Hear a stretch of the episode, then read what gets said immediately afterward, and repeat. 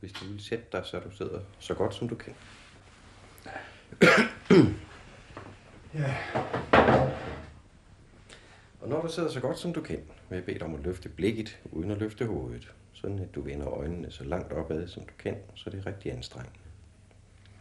Og hold dem der, mens du tager nogle dybe indåndinger og udåndinger. Hvor du trækker vejret godt igennem, så du får både maven og brystkassen med. Og når du holder en lille pause for hver udånding, kan du gradvist fremkalde fornemmelsen af at blive lidt tungere for hver udånding. Der sidder to mænd i et konsultationsværelse. Den ene er psykolog. Den anden er Kai. Lyden af folk, der går ud på gangen, trænger ind i værelset. Det lægger Kai ikke mærke til. Han er i hypnose. For han vil gerne huske, hvad der skete en aften for fire år siden. Og en ny tanke dukker op. Det er den foregående. Hurtigt glemt. Ligesom så meget andet, du har glemt. I tidens løb. Kan dukke op. Jeg kan huske. Er det meget stærkt? Mm. Jeg kom lidt til en vej. Der kom en bil. Lyset var tændt. Det kunne jeg se. Det var mørkt.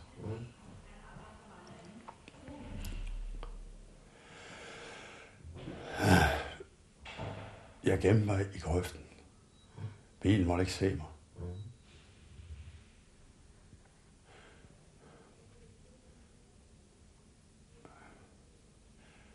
Jeg gik videre. Planløst. Det var et sommerhuskvarter, jeg kom til.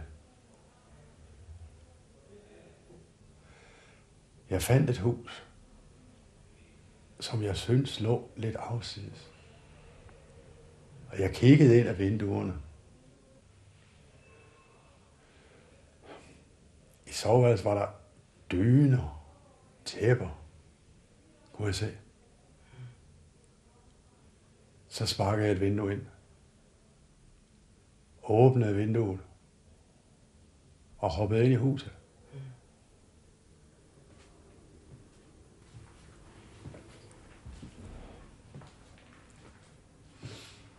Bam, badam, bam, bam, bam, badam, bam, bam.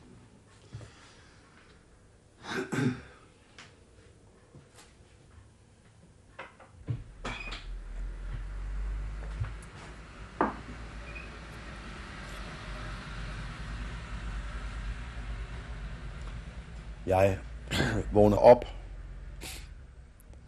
og jeg kigger mig omkring, og jeg kan godt se, det er Aarhus Kommunehospital. Der er nemlig selv tidligere arbejde, så det kender jeg jo godt, det hospital. Og tænker, hvad i alverden laver jeg her? Meget mystisk, synes jeg. Så kommer der sådan en hvidklædt kvinde ind. Nå, du er så vågen, siger kvinden. Ja, siger jeg. Ja, du har jo skudt dig selv i hovedet, siger hun. Så endnu en spejl. og jeg får et chok, da jeg ser mig selv i ansigtet, fordi for det første har jeg brækket kæben, og mine tænder er jo så af den grund øh, snøret sammen. Så det er sådan noget underlig snak, jeg kommer med. Jeg har to meget store fordybninger i øh, frontlapperne, det vil sige panden. Der hvor indgangen og udgangen fra skudet har været. Ikke? Det kan jeg ikke se, vel? Du kan se her, hvor der ingen ryggen gør. Der, det er plastik.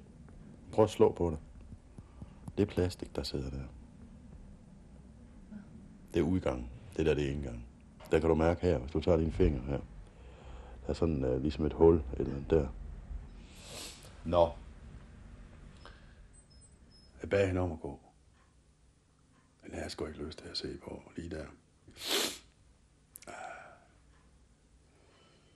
Så begyndte hjernen jo sådan ellers at arbejde.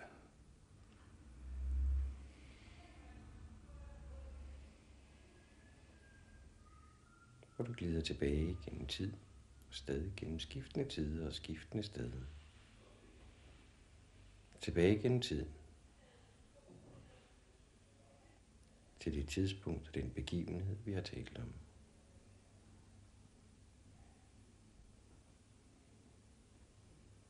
Så tog jeg tøjet af og gik i seng. Men jeg beholdt våbnet hos mig. Jeg kiggede. Jeg kiggede på trumlen i revolveren. Og alle fem patroner var afskudt. Og så vidste jeg godt, at det måtte jeg have gjort. Jeg måtte have affyret fem gange. Men hvad havde jeg gjort?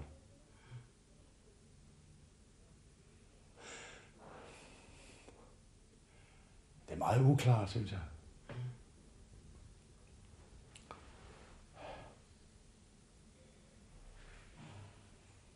Mm. Jeg sover ikke ret godt.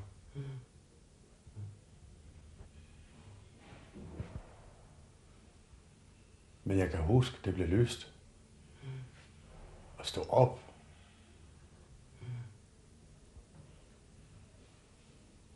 Jeg holdt mig til huset hele den dag, kan jeg. Jeg gik nogle små ture rundt og kiggede. Blandt andet var jeg ind i et andet sommerhus. Der havde været indbrud. Det hele var tilrådet. Skuffer var åbne og smidt på gulvet. Utrolig råd.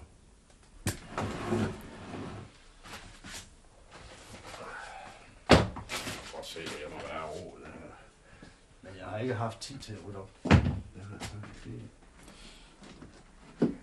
Det får jeg nok også gjort en dag, når jeg har tid og lyst og lejlighed.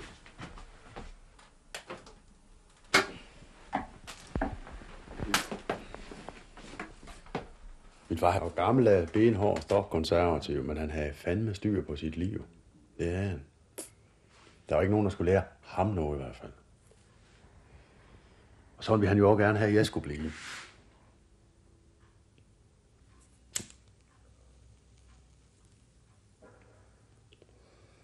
Og en dag, der gik jeg ned til ham.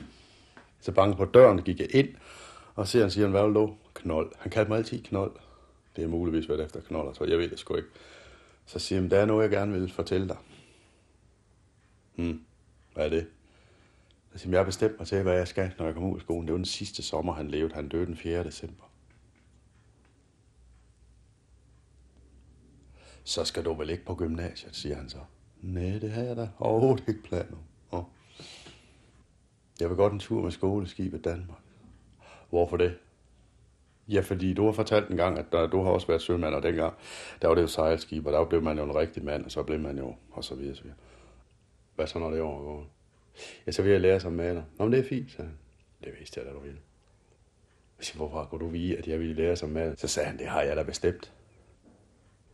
Jeg går jo også og holder lidt øje med, hvad der foregår. Så spurgte han, ellers var noget, jeg ville. Nå, men så kunne jeg godt til at godt gå igen, for han havde egentlig sommert. Og så gik jeg. Jeg sagde, det var da mærkeligt noget, ikke? Han kunne da godt som han vist nok glæde. Det gjorde han sgu ikke. Sådan var han. Han var en overraskelsernes mand. Han kunne godt lide overraske folk. Det var han god til. Der var to ting, som han syntes var meget vigtigt. Det var, at man havde en god skoleuddannelse, for det har han aldrig selv haft. Plus, at man kunne klare sig selv, også fysisk. Det gik han meget op i. Da jeg gik med krykker, sagde han, det gjorde jeg jo i lang tid, på grund af min ben. Der måtte jeg jo finde en anden måde at klare mig på. Ja, det måtte du vel, sagde jeg, men øh, jeg forstod egentlig ikke, hvorfor han dog og sagde sådan noget. Så siger jeg, nu skal du se her. Jeg tog han nogle bløde masonitplader. Han lærte han mig en ikke skaller. Duk. Så han, det er effektivt. Og folk ved aldrig nogensinde, hvor man kan finde på at bruge det. Så det begyndte jeg jo at rende rundt og gøre. Det skabte mange problemer. Tilbage til den gang, du var på flugt. Og når du genkalder dig det, jeg beder dig om med dine egne ord at fortælle, hvad der skete. Eller hvad der sker. Sådan som du kan genkalde dig det lige nu.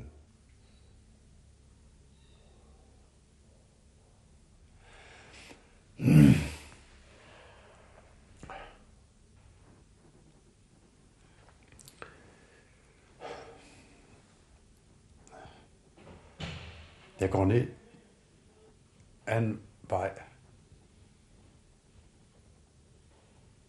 Og jeg kommer ned til færgevejen. Jeg når hen til en tankstation. Hvad den hedder, det husker jeg ikke. Men jeg går ind og spørger, jeg husker, det var en mørkhåret kvinde. Og spørger, om jeg kan købe noget at drikke. Jeg vil købe noget sodavand, og jeg vil købe nogle cigaretter. Hun siger meget forfærdeligt ud og siger, nej, det kan jeg ikke. Det forstår jeg ikke, men jeg går igen. Jeg vil ikke væk opsigt.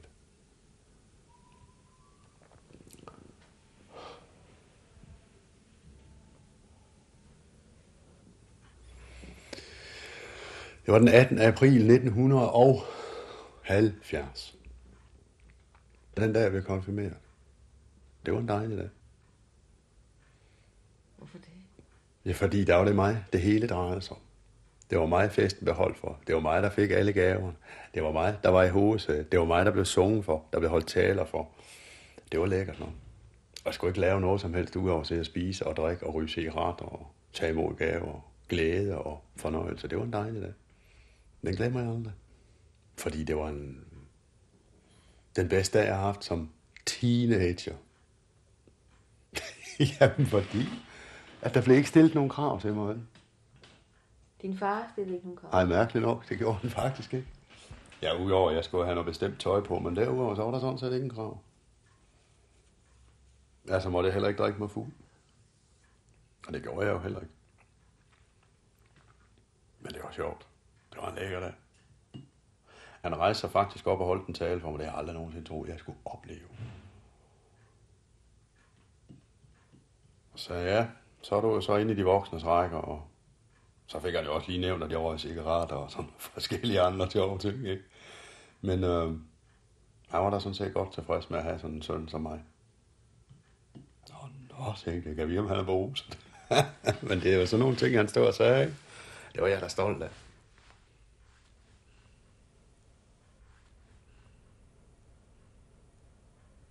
Hvad er det næste, du kan huske?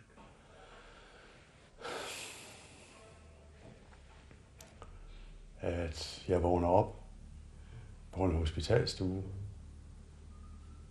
Og jeg kan se det i Aarhus Kommune Hospital. Og jeg får at vide, at jeg har skudt mig selv i hovedet. Hvis du går tilbage til, altså i erindringen går tilbage til tankstationen, som du forlader, dukker der så noget op om, hvad du gjorde?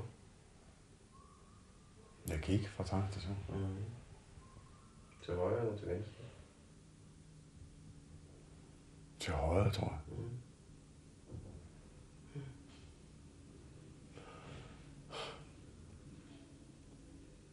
Jeg går videre, ja. Men hvorhen? Jeg ved det ikke. Jeg kan ikke huske det.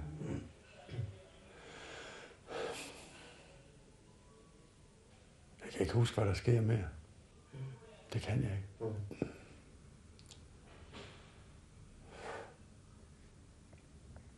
Skal vi stoppe? Ja, det tror jeg. Okay.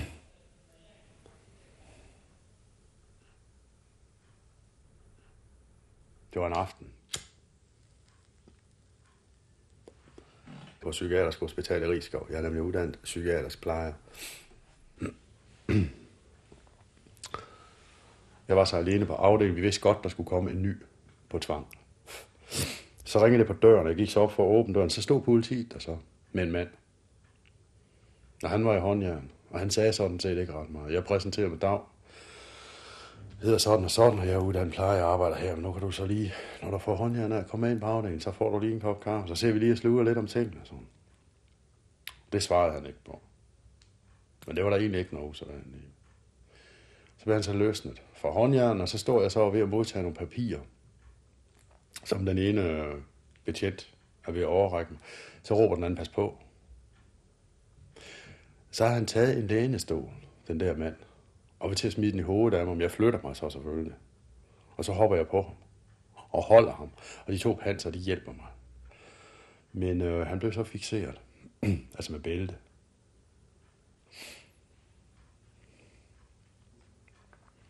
Men jeg tror mange gange så, altså når folk de kommer som førstegangs indlagte, at der er meget nyt og så videre. Og jeg tror mange gange, så er de bange. Var det sådan, du havde ondt af de mennesker, der kom ind? Ja, samtidig havde jeg sgu.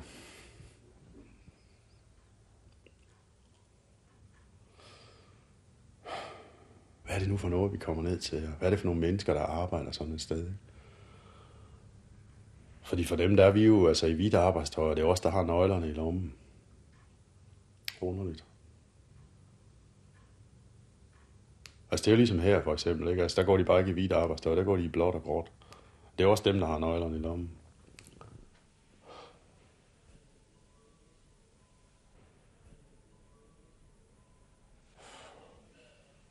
Prøv lige at lukke øjnene igen. Og bevæg dig et trin nærmere til din almindelige dagligdags vågne og nærværende bevidsthed. Sådan at når jeg siger 11, må du gerne lukke øjnene op og være helt nærværende, udvilet og vel tilpas. 11.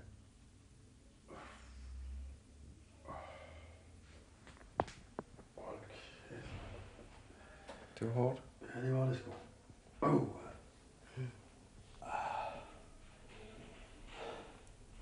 Det er da underligt over det der hypnose, synes jeg. Puh, ja.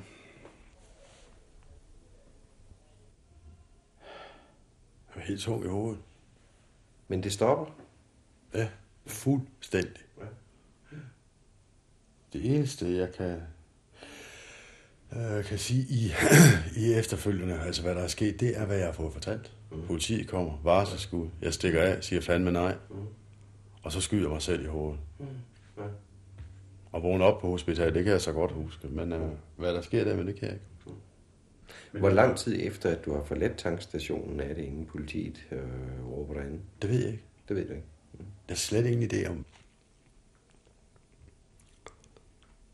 Men jeg kan ikke huske noget som helst. Mm. Det kan jeg ikke. Det må selvfølgelig altid virke foruroligende, når sådan en voldsom begivenhed som et selvmordsforsøg og um, fuldstændig er væk af din hukommelse. Ja.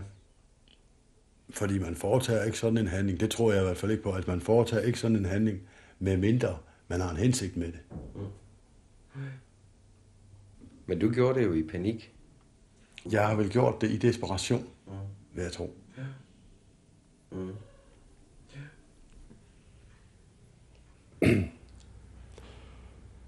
Hun var det faste holdepunkt, jeg havde. Og øh, der var egentlig rimelig meget fred og fordragelighed imellem os. Ikke? Og samtidig var jeg også godt klar over, at det var hende, der ligesom styrede de fleste ting derhjemme. Ikke? Der var aldrig noget at sætte fingre på. Det var der egentlig ikke. Altså, der var altid rent, der var altid ryddet, og jeg fik altid noget at spise, og det var aldrig mig selv, der skulle lave det. Det gjorde hun også, ikke?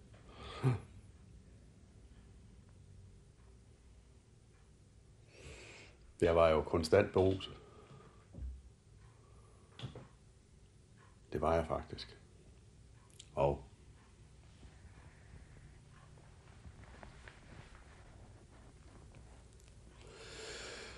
når man er det, eller i hvert fald da jeg var det, så var jeg godt tilfreds bare jeg kunne. Bare der var sprudt nok, ikke? Og det var der jo heldigvis hele tiden.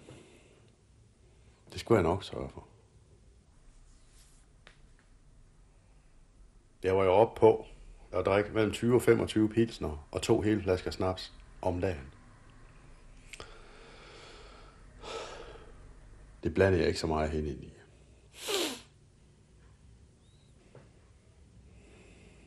Kaj, elskede du hende? Ja, det gjorde jeg da. Meget.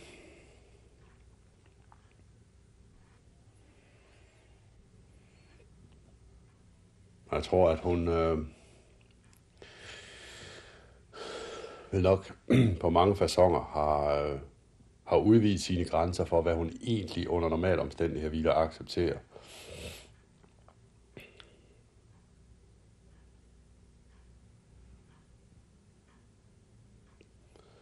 Men jeg forstod det ikke helt dengang. Kan du forstå, at du egentlig har hadet hende? Hvad har du hadet hende? Ja, jeg har så. Det har jeg. Fordi... Øhm, altså, man har ikke set kvinden i et døgn, og så ringer hun hjem. Og siger, Dag, det er mig. Så siger jeg, hvor fanden har du været henne? Og så svarer hun, jamen jeg er oppe ved den og den. Jeg har været utro, jeg er blevet forelsket i en anden mand, og jeg flytter fra dig. Der blev jeg torset. Der var jeg utrolig gal.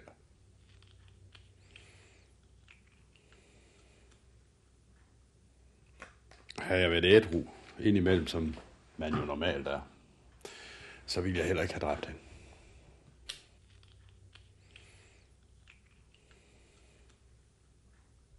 Det er så resultatet øh, af det hele, det er, at jeg sidder her i dag.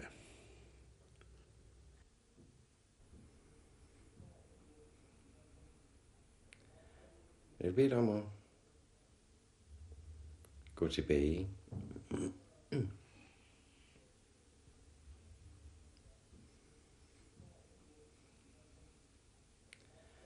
Til den dag, hvor det skete.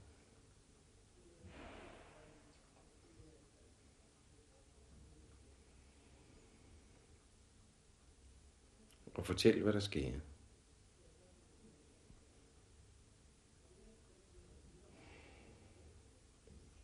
Sådan at du fortæller det med dine egne ord.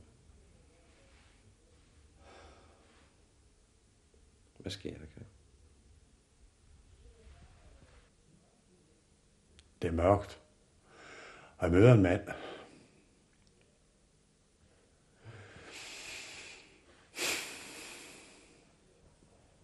Jeg har et våben, som er let. Vi taler om hunde.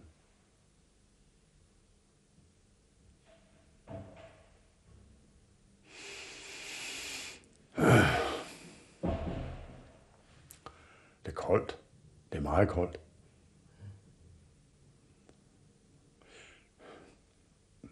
Da han forsvinder, jeg kan i hvert fald ikke se ham, går jeg tilbage igen og finder nummer to. Og går hen og ringer på døren. Jeg har trukket mit våben. Og det første, jeg ser, da jeg kommer ind, er en sort hund, der gør. En pige. Lille lyshåret pige.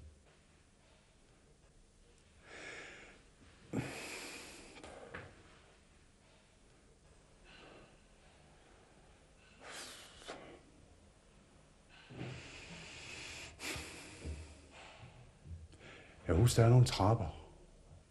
Fire, fem trappetrin. Og en kvinde. Hun er gået op ad de trappetrin. Jeg går efter.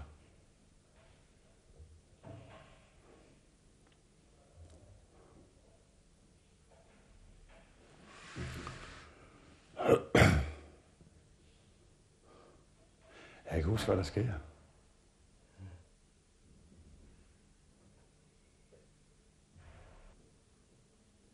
Hvad er der oven på trappen?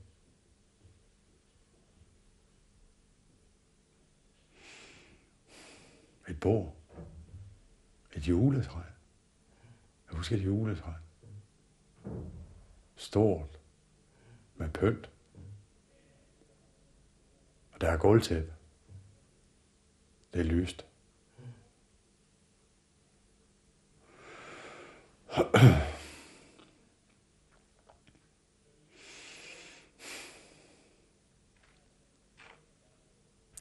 Jeg også husk, at hun har et blåt sæt tøj på, joggingtøj, som jeg har købt til hende to år tidligere. Sådan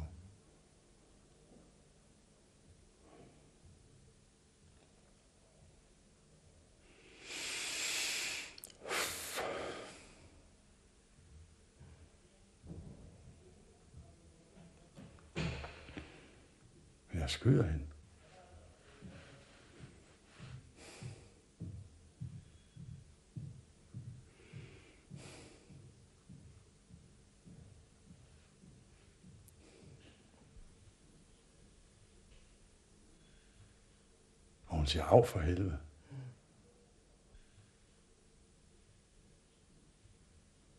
Og jeg går op ad trappen. For det har hun også gjort. Jeg må være gået efter hende. Skyder du mere end en gang? Det ved jeg, jeg har gjort. Men jeg kan ikke huske, hvordan det er gjort.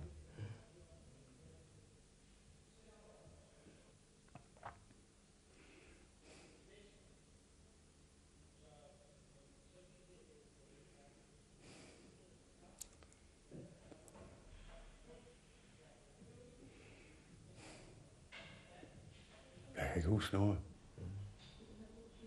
Der er fuldstændig lukket.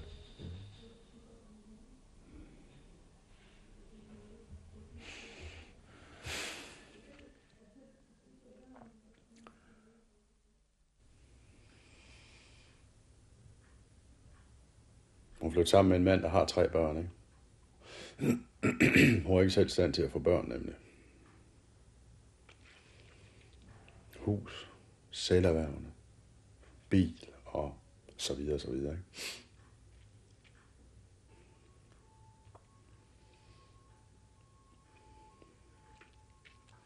Alle de ting kunne jeg ikke give hende.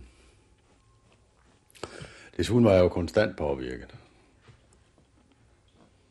Og så tænkte jeg, det kunne jeg jo sådan set nemt ødelægge. Jeg kan jo bare slå ham ihjel. Det gjorde jeg så ikke. Jeg tager sig op i hans eget hjem og slår den kvinde ihjel, som han netop er flyttet sammen med, som han formodentlig er meget glad for. Højst sandsynligt forelsket i. Altså, det er ubehageligt, at jeg godt ved, at der er sket nogle ting, som jeg har foretaget, men som ligger begravet i min hukommelse, som jeg ikke kan huske. Jeg vil gerne kunne huske det. Det, det, det vil jeg faktisk gerne.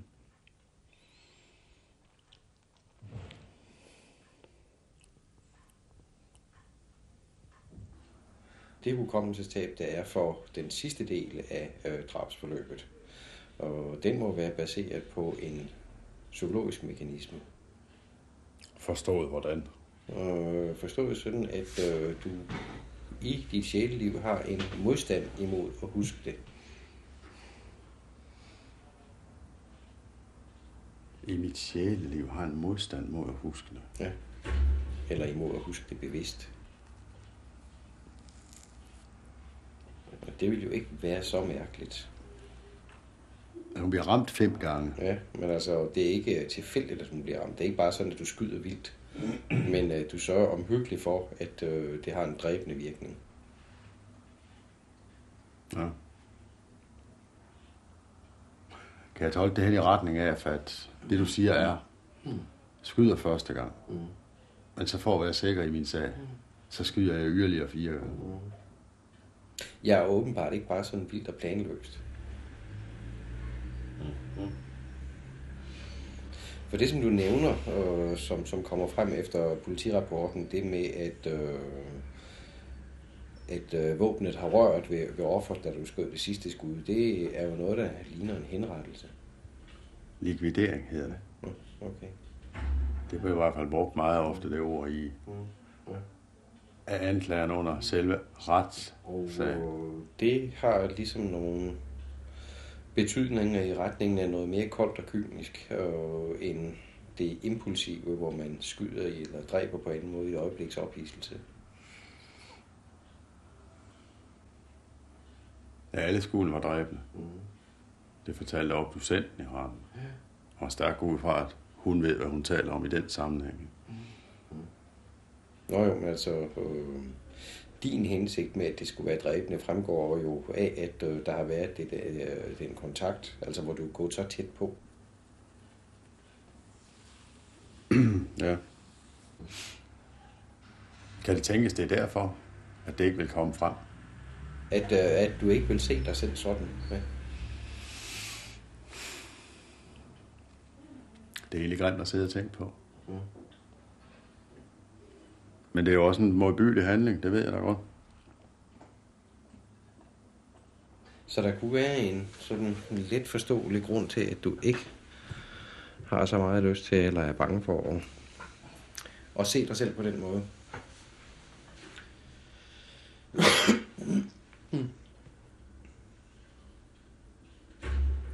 Kan man virkelig godt være så bange for sig selv? Eller rettere sagt for en handling, man har foretaget, udført, gjort. Ja. Mm-hmm.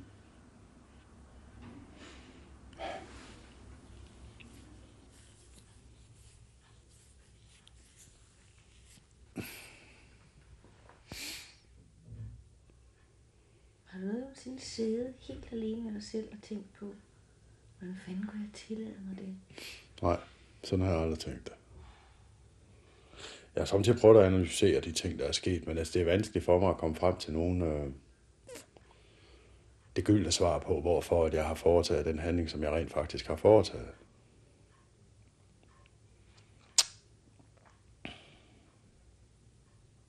På et tidspunkt, så har du bestemt, at dette menneske Skal ikke mere leve. Ja. Ja, det vil jeg ikke benægte.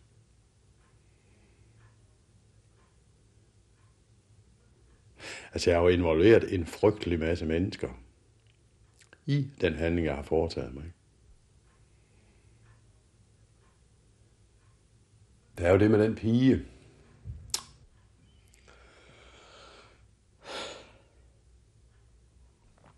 Efter min opfattelse er børn altid uskyldige, uanset hvad der sker. Det mener jeg.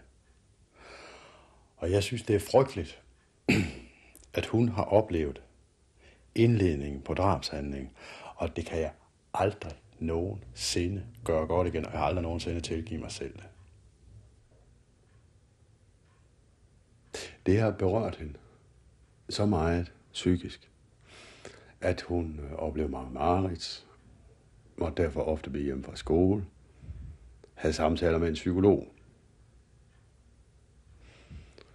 Og det jeg frygter, det er, at jeg måske har ødelagt hende, altså slå hende ihjel, følelsesmæssigt, åndeligt, på nogle punkter.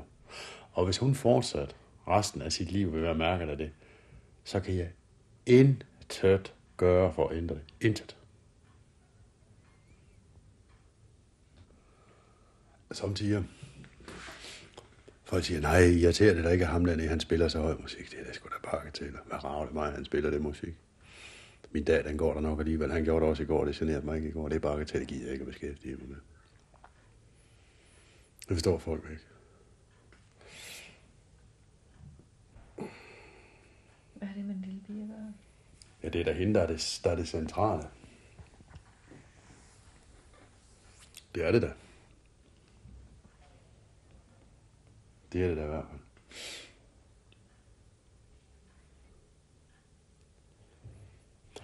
Så er det jo, du skal spørge, hvorfor gjorde du det så alligevel, når pigen var der? Så kan jeg så svare, det ved jeg ikke.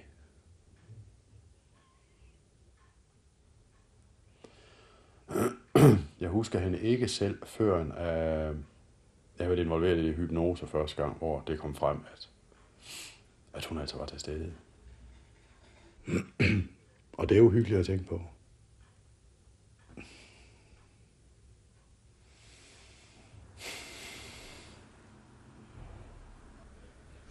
Lige da du troede, du skulle til at være en hel masse, så væltede korthuset. Desværre, ja. Jeg havde ambitioner dengang, mm. men det er rigtigt nok, altså. Men den pige, som du slog ihjel, hun forlod dig til fordel for en, Som, som havde alt. ja, det er rigtigt nok. Og som i den henseende i hvert fald var meget bedre end dig, også efter din målestok. Han havde alt det, som du troede, du skulle have haft. Og så kom du ovenpå ved at bevæbne dig Først med en kniv, og sidenhen med en revolver. Og var i nogle få øjeblikke den største og den stærkeste. Det er ikke sjovt at se at snakke om det her. Men det bør det jo nok heller ikke være. Men i hvert fald, da du stod med revolveren i hånden, der var du den største. Og kunne bestemme over liv og død. Det gjorde jeg så også. Ja. Der var du ikke bare et socialt tilfælde, der var du også drabsmand. Et socialt tilfælde. Mm, det var da det, du var på vej til at blive sådan med at forsumpe dig i druk. Men jeg koster ikke samfundet noget. Kan man godt være et socialt tilfælde, selvom man har arbejdet. Ja, det kan man godt, hvis man aldrig er ædru, så er man noget af et socialt tilfælde. Og i anden omgang jo altså på flugt og som drabsmænd. Så kan man næsten ikke komme længere ned. Det eneste, du kunne gøre, det var at prøve at bringe dig helt ud af situationen ved at begå selvmord. Det prøvede du så også. Der var du på et kort øjeblik sådan på, på højde med situationen, kan man sige. Hvordan skal jeg tolke det? Ja, der var det i hvert fald dig, der havde muligheden for at bestemme, hvordan det videre forløb skulle være for dig. Med det, at jeg forsøgte at suicidere. Og da det så ikke lykkedes, så var du den lille igen.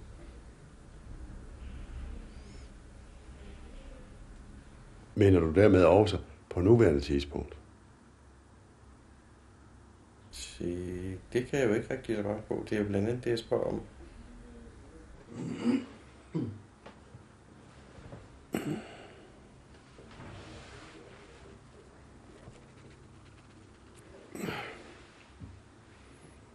Nej, jeg synes ikke, jeg er sygelig, hadefuldt, jaloux nu. Men hævnfølelsen er der stadigvæk.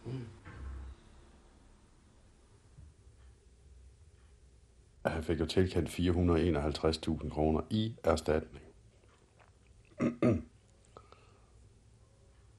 kan man ikke anke sådan noget monstro? Det vidste jeg så ikke, så talte jeg med øh, min forsvar, advokaten, Bent Nielsen, om det. Og han siger, jamen altså, den kan da godt ankes.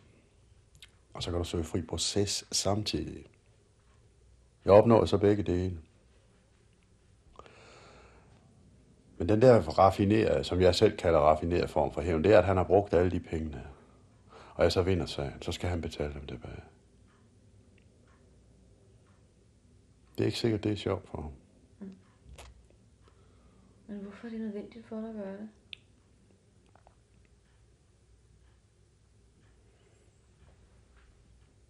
Hvor ondt skal det gøre på ham, før du bliver tilfreds?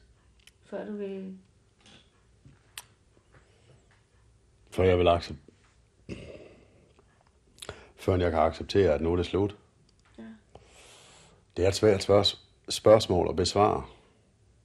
Altså, hvis han skal betale de der erstatning, det der erstatningsbeløb tilbage. Det vil nok gå ondt. Så vil jeg være tilfreds. Så vil jeg engang være til stede. Og jeg hører, de siger, at altså, han har været nødt til at sælge sit hus på grund af de 451.000. Så siger nu, det er jo ikke mit problem. Jeg er sgu ligeglad. Men der kan du se en gang imellem, så kommer det alligevel op i mig sådan, hmm. Og det burde det ikke komme.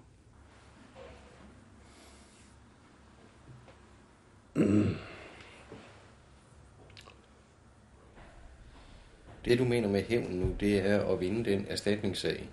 Ja, hvad giver dig ret til hævn?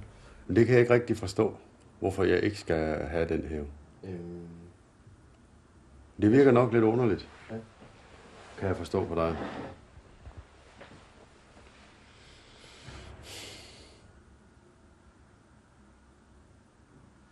Jeg ved godt, ja, at jeg har slået et andet menneske ihjel. Men samtidig, så har jeg jo konstant den tanke i hovedet, at han kan jo egentlig gå rundt og mere eller mindre gøre, hvad han har lyst til. Det kan jeg ikke. grunden til, at du sidder her, øh, det er, at det er dig, der har begået drabet. Det ser du bort fra. Ja. Det er den måde, du opretholder din øh, din holdning eller din mening på. Ikke? Men hvad er det for nogle regler, der ligger til grund for, at du kan have sådan en mening? Det var et godt spørgsmål.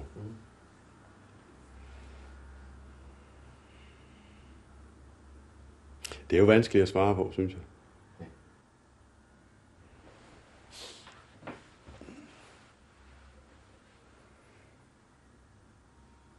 Det skal jeg lige spekulere lidt over først.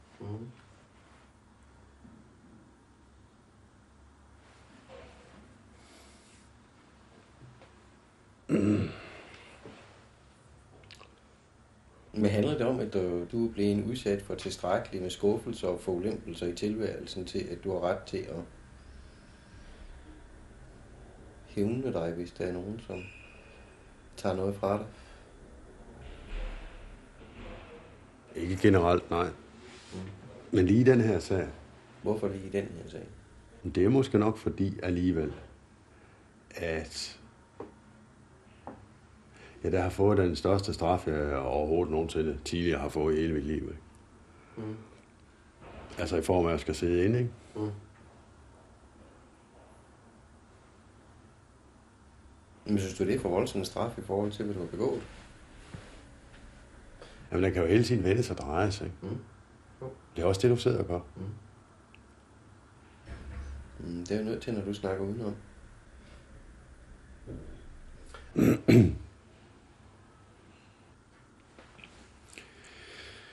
Det er sgu svært at forklare det her. Og det kan jeg ikke lide, når der er noget, jeg ikke kan forklare.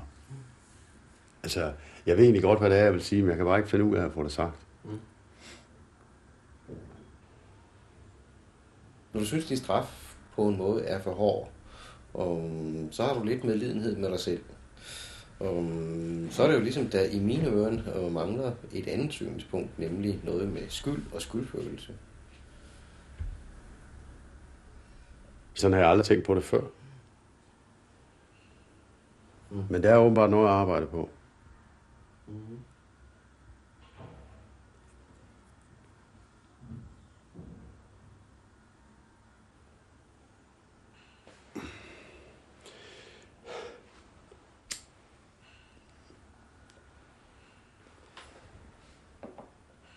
Jeg har et spørgsmål i den sammenhæng. Lad os nu antage, at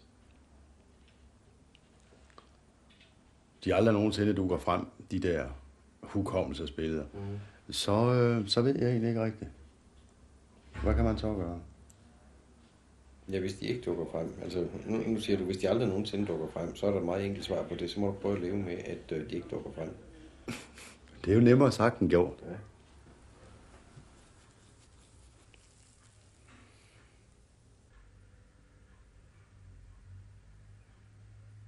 Du vil gerne vide, hvorfor jeg gerne vil vide, hvad der egentlig var sket den dag. Og det vil jeg gerne af den simple grund, at kan jeg finde ud af, hvad der skete den dag, og hvad jeg foretog mig, så har jeg også en mulighed for at bearbejde det, jeg har lavet. Således at jeg muligvis ikke senere hen vil øh, gå hen og lave noget tilsvarende. Da det jo ikke var en rar oplevelse. Selvfølgelig var det ikke det. Hvis du vil gerne opleve det skrækkeligt. Ja. Hvordan er den følelse? ja, det kan jeg jo ikke fortælle dig endnu. Det er jo lidt vanskeligt, men det skal jeg fortælle dig den dag, jeg kan huske det.